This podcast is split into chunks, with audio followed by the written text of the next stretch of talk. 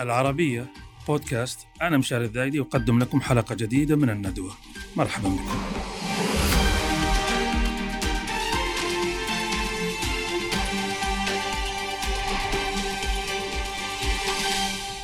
نناقش فيها اليوم وقبل أن أقول عنوان النقاش نبارك للمسلمين كلهم عيد الأضحى المبارك وموسم الحج آه، الذي أظلنا بظله.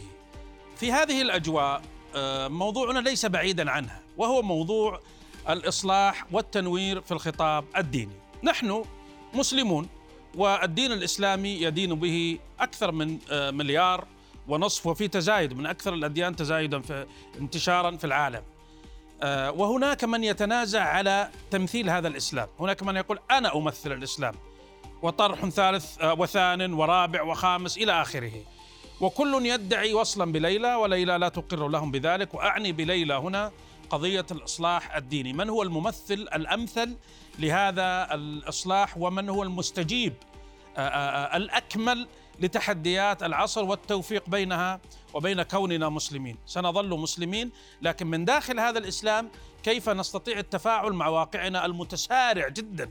في تحدياته وتغيراته في قضايا المرأة والعلم والتعليم والتربية والتحديات التي تولد مع مطلع كل شمس. حول هذا الأمر يسرني أن يشاركنا النقاش وطاولة هذا النقاش من القاهرة الدكتور أحمد آه، سالم أستاذ الفلسفة الإسلامية والفكر العربي الحديث آه، وهو آه، ضليع في هذا المجال.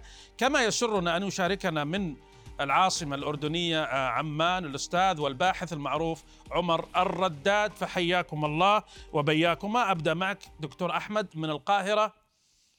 ما هو مفهوم التنوير؟ ولك بحث بهذا العنوان اسمه مفهوم التنوير. فهل أطلعتنا على ما هو مفهوم التنوير؟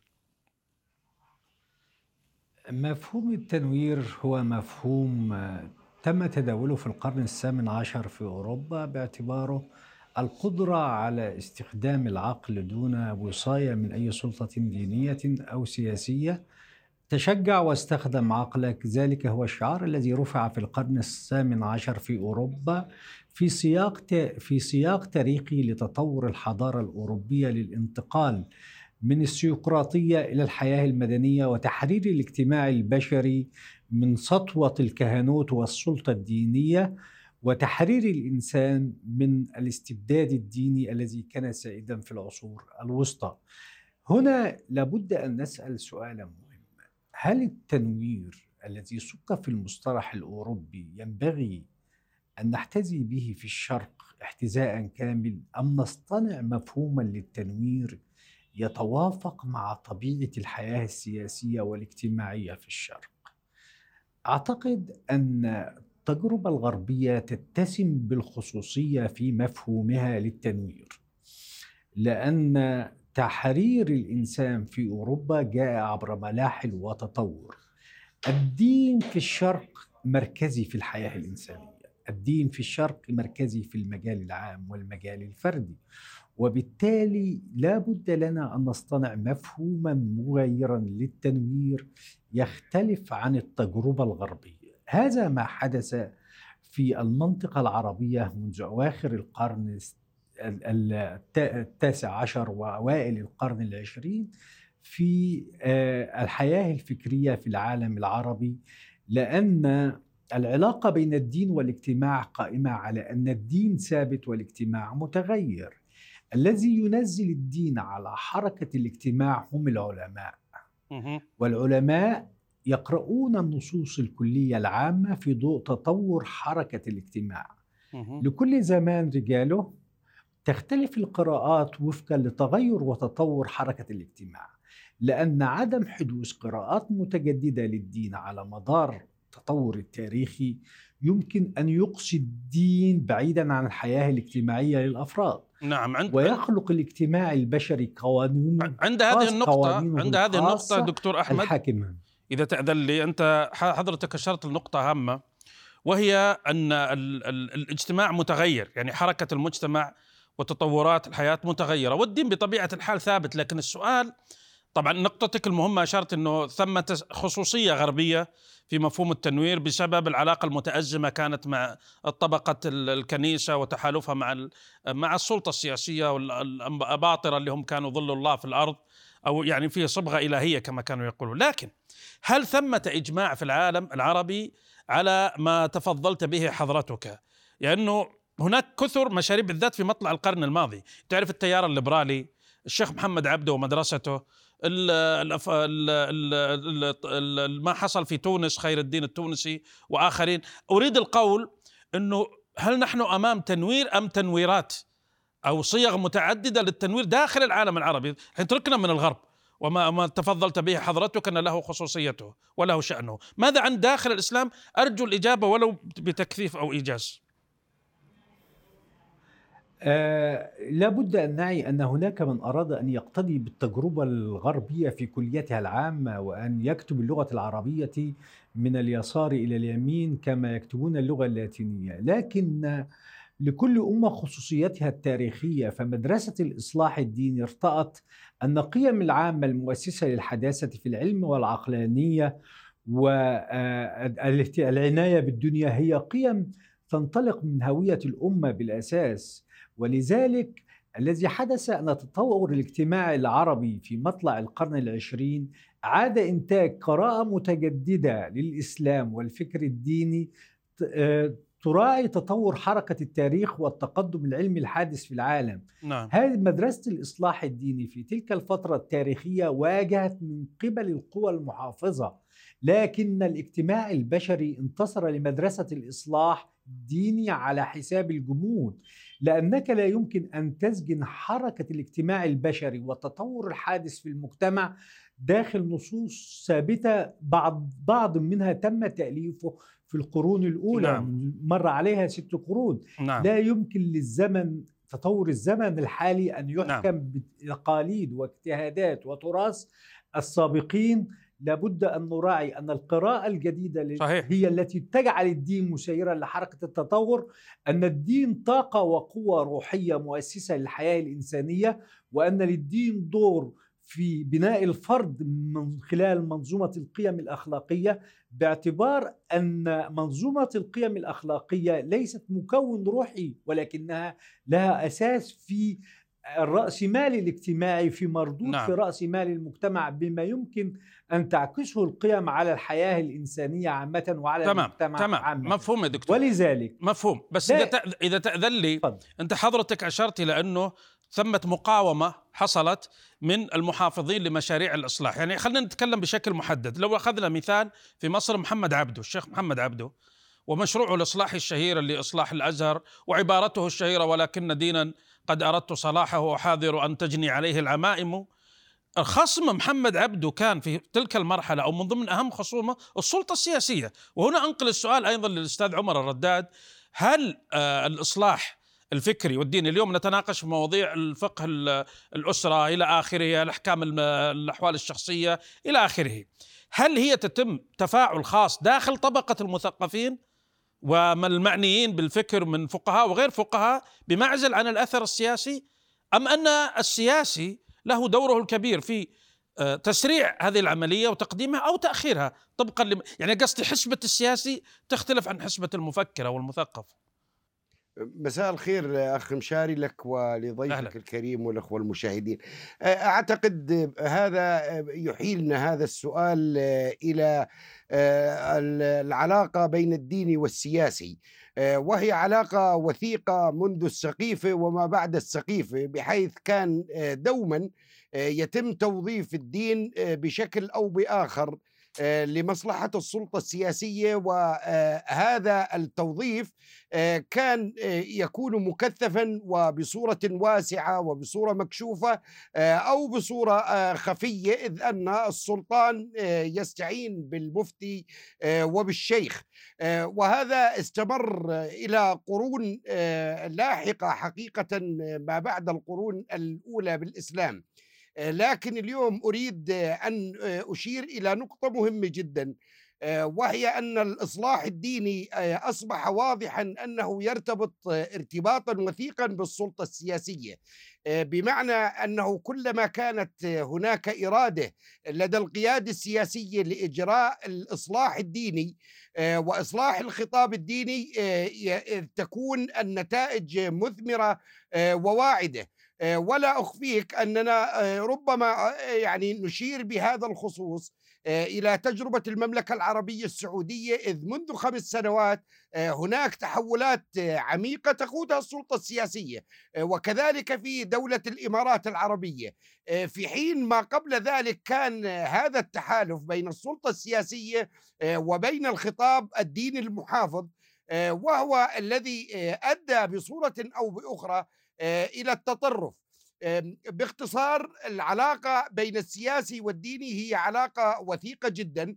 وكلما كان الحاكم متنورا كلما كانت آفاق وإمكانيات تحقيق نتائج بإطار الإصلاح الديني تكون حقيقة واقعة بمراحل لاحقة. وخلاف ذلك عندما تتحالف السلطة الدينية السلطة السياسية مع سلطة الدين تذهب إلى التطرف على طريقة الأوروبيين نعم. في القرن السابع عشر والثامن عشر نعم نعم على خلفية ما تفضل به ضيفك طيب تأذن لي تأذن لي أستاذ عمر و... أستاذ عمر عند عند هذه احتفظ نعم. بهذه النقطة احتفظ بهذه النقطة لنا عودة نعم. لها هل هل انتجنا افكارا جديدة اليوم بعد أفكار العصور الماضية اللي هي فكرة الأحكام السلطانية وفكرة الملل والنحل التي كنا يخضع لها الفكر بشكل عام أو الفكر الإصلاحي والفكر السياسي. كنت تريد آه، آه، التعقيب أو التعليق على حديث للدكتور أحمد سالم. فتفضل. الحقيقة التعليق مرتبط بالمصطلح ووفق آه، مقاربة اللسانية اللغوية على قاعدة الدال والمدلول. أعتقد أن مصطلح التنوير وكثرة استخدامه يحيلنا بالضرورة آه، إلى آه، فكرة التنوير الغربي وهي تبدو آه، فكرة مرفوضة على الأقل من قبل التيارات المحافظة بالشرق ولا بد من أن نقدم أعتقد مفهوما جديدا ربما يكون مصطلح التحديث أو مصطلح الاستجابة أو مصطلح التكيف الاستجابة للمتغيرات.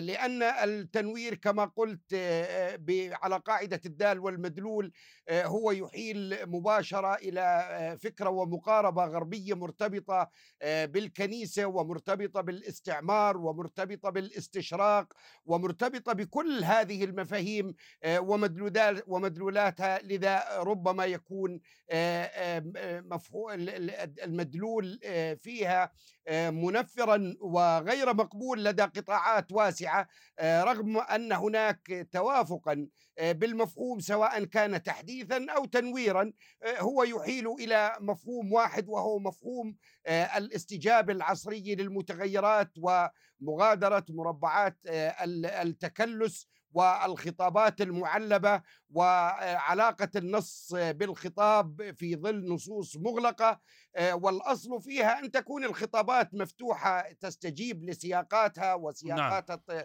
ومع التطور الزمني والتطور الحضاري لكن يبدو لدينا مشكله الحقيقة عميقة جدا اليوم نعم. حتى أن التأويل أصبح مغلقا رغم رغم أننا نقدم أنفسنا باعتبارنا أصحاب تأويلات متعددة وفق المذاهب الإسلامية لكن لدينا مشكلة حقيقة أننا نذهب باتجاه التأويلات الأكثر تشددا والتأويلات نعم. الأحادية والمعنى الأحادي الذي يستجيب ربما لتطرفنا نعم. لكن أستاذ مشاري فيما فيما يتعلق بالتحديث والتطوير أعتقد أن الإصلاح هو نهر جارف أقوى منا بحكم علاقتنا مع الشعوب والأمم الأخرى وتواصل الحضارات وما يقال اليوم في توصيف العالم بأنه أصبح قرية صغيرة إذ أننا أصبحنا أمام تساؤلات كبرى وإشكاليات حقيقة بحاجة إلى تفكيك وبحاجة لإعادة نظر في ظل سهولة الوصول ومعرفة الآخر والاطلاع على الآخر نعم, نعم أستاذ عمر هذه النقطة في الحقيقة هذه النقطة نعم. اللي أشرت لها حضرتك مهمة جدا وسنخصص لها جزء من الحديث الآن لكن أنقل الحديث الدكتور عمر طبعا أنت أشرت الدكتور أحمد العفو أنت أشرت آه، في الجزء الأول من الحلقة إلى الملاحظة التي أشار إليها الأستاذ عمر وهي أن التنوير أصلا كمصطلح ملتبس وولد في سياق أوروبي ولذلك آه، في الحالة الإسلامية اختلف تناول أو مقاربة هذا الأمر آه، لفت انتباهي في دراساتك آه، دكتور أحمد آه، توقفت كثيرا عند مفهوم الأحكام السلطانية اللي كانت جزء من الأدبيات الفقهية السياسية زمان وأيضا مفهوم الملل والنحل. هل ترى الآن مثلا مع التيارات الإسلامية مثلا آه، حتى الشكل الأشكال العنيفة منها داعش والقاعدة أو في المقلب الشيعي حزب الله والحشد والحوثي وغيرها. هل ترى أن هذه الجماعات اللي هي مهيمنة أو مسيطرة وشفنا وش سووا فينا أو حتى الأشكال الغير عنفية منها لكنها تدين بنفس الفكر. لا زالت أسيرة لشبكة المفاهيم هذه اللي ولدت في القرون الوسطى وبالتالي هذا سبب أننا كل مرة نعيد الأزمة مع آه، بشكل أو بآخر؟ هو السؤال هنا هل استطعنا الانتقال من مفاهيم القبيلة والمذهبية إلى مفاهيم الدولة الحديثة؟ الواقع إن التيارات الدينية بات يخشى على الدولة الآن من التيارات الدينية وبالتالي هنا الدولة بتواجه اتجاهين اتجاه الفكر الجماعات الإسلامية المتطرفة بما تحمله من مفاهيم قديمة ورغبة الدولة الحديثة سواء في المنطقة العربية من المحيط للخليج إن هي تأصل لفكرة الانتقال من القبيلة إلى المواطنة ومن المذهبية إلى الأفق الانساني الرحب.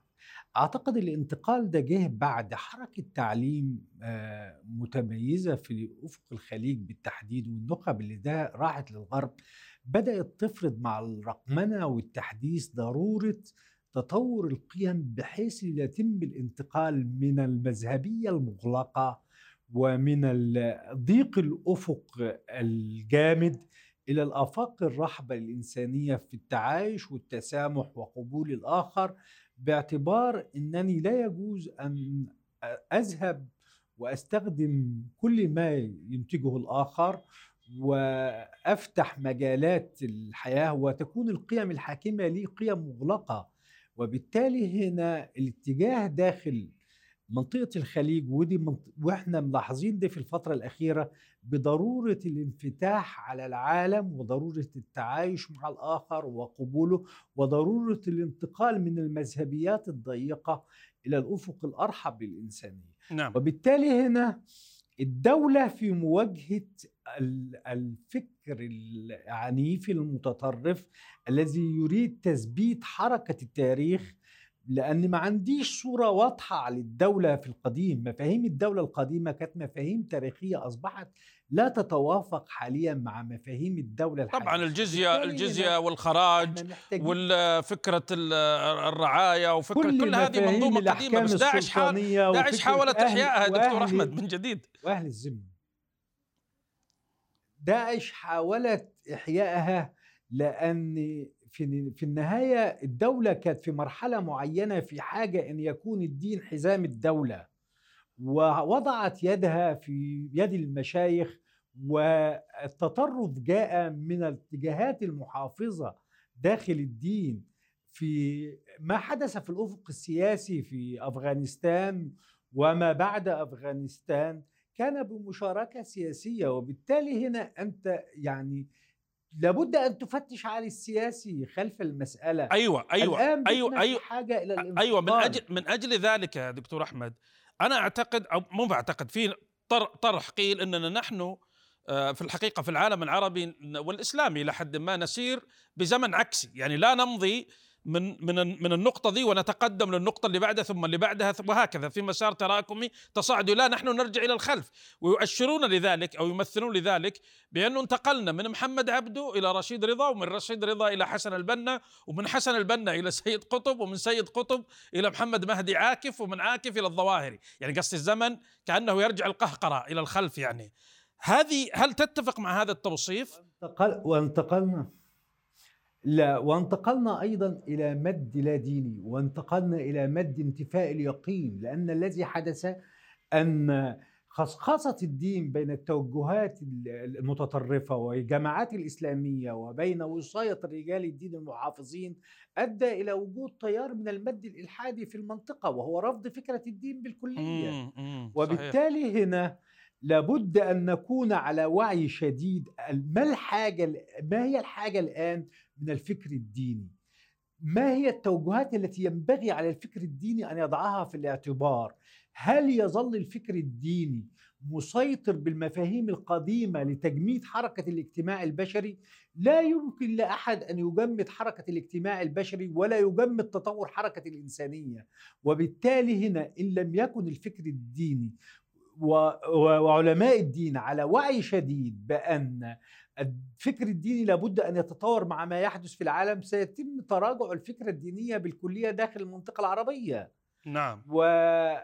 وسيكون هناك حصار للجماعات المتطرفة نعم. ال- ال- الحل الحل الأمني ده مع الجماعات الدينية لا يمكن أن يقيم آه، مواجهة حقيقية. نعم. الحل الفكري والعقلي لإعادة إنتاج الوعي في المنطقة بدور الدين وحدود الفكرة الدينية في حركة الاجتماع هي مسألة مهمة. لا يجوز أن يكون الرؤية صاحب الرؤية السياسية أكثر تقدم لصالح المجتمع ولمصالح الب... ولمصالح الناس ويكون صاحب الفكر الديني مكبل للسياسي لمصلحة الإنسان. إحنا أمام مشكلة عويصة وهي أن أحيانا أصحاب التوجهات السياسية يسبقوا علماء الدين في الرؤية لتطور حركة الاجتماع. إن لم يكن رجال الدين معينين لأولي الأمر أو ورجال الدولة على ال- المساعدة في في دفع وقوة حركة الاجتماع للأمام فلا يكونوا معوقين. يعني نحن في مصر هناك تفكك في اللحمة الاجتماعية نتاج الطلاق و... وتفكك في وضعية الأسرة أنا مع فكرة أن يكون الطلاق كتابي المملكة كانت حاسمة في أمور كثيرة تتعلق بالطلاق الك... ب- بضرورة أن يكون الطلاق الكتابي نعم. مثلما يكون عقد الزواج نعم. كتابي والمملكة كانت منذ أمد بعيد في صاحبة رؤية في أن القرار الذي يتعلق ببعض الأمور التي كان يسيطر الدين فيها على حركة الاجتماع، القرار السياسي أكثر رؤية مستقبلية وأكثر حسم. صحيح ولذلك ولذلك بدأنا نشهد يا عقد- دكتور أحمد آثار هذا الأمر ونحن للتو مثل ما تفضلت في خ... في غضون خمس سنوات وأنا أفهم مسألة الطلاق التي أشرت إليها والخلاف الحاصل فيها في مصر ودوافعه وخلفيات تصلب بعض أهم رجال الدين في هذا الأمر الأمر قد لا يبدو دينيا في, بعض الصور آه، بقدر ما هو مماحكات أو تستبطن خلفها أشياء أنت تدركها والأذكياء الخوف من من, الخوف من كسر السلطة. نعم والأذكياء يدركون أحيانا الخوف أن من القصة. كسر سلطتهم لي- الدينيه ليست فتوى مجردة فقط خلف الفتوى تقبع مواقف وحسابات لكن الوقت يداهمنا وحسابات الوقت تداهمنا. فأشكرك من القاهرة الدكتور أحمد سالم أستاذ الفلسفة الإسلامية كما أشكر الباحث من ال- الأردني ال- المعروف الأستاذ عمر الرداد بن عمان. وأشكركم مشاهدينا الكرام على كرم المتابع الحديث متشعب. في هذا الموضوع. نحن في النهاية سنظل نتساءل أي خطاب ديني نتوخاه ونريده الآن وفي المستقبل. إلى اللقاء.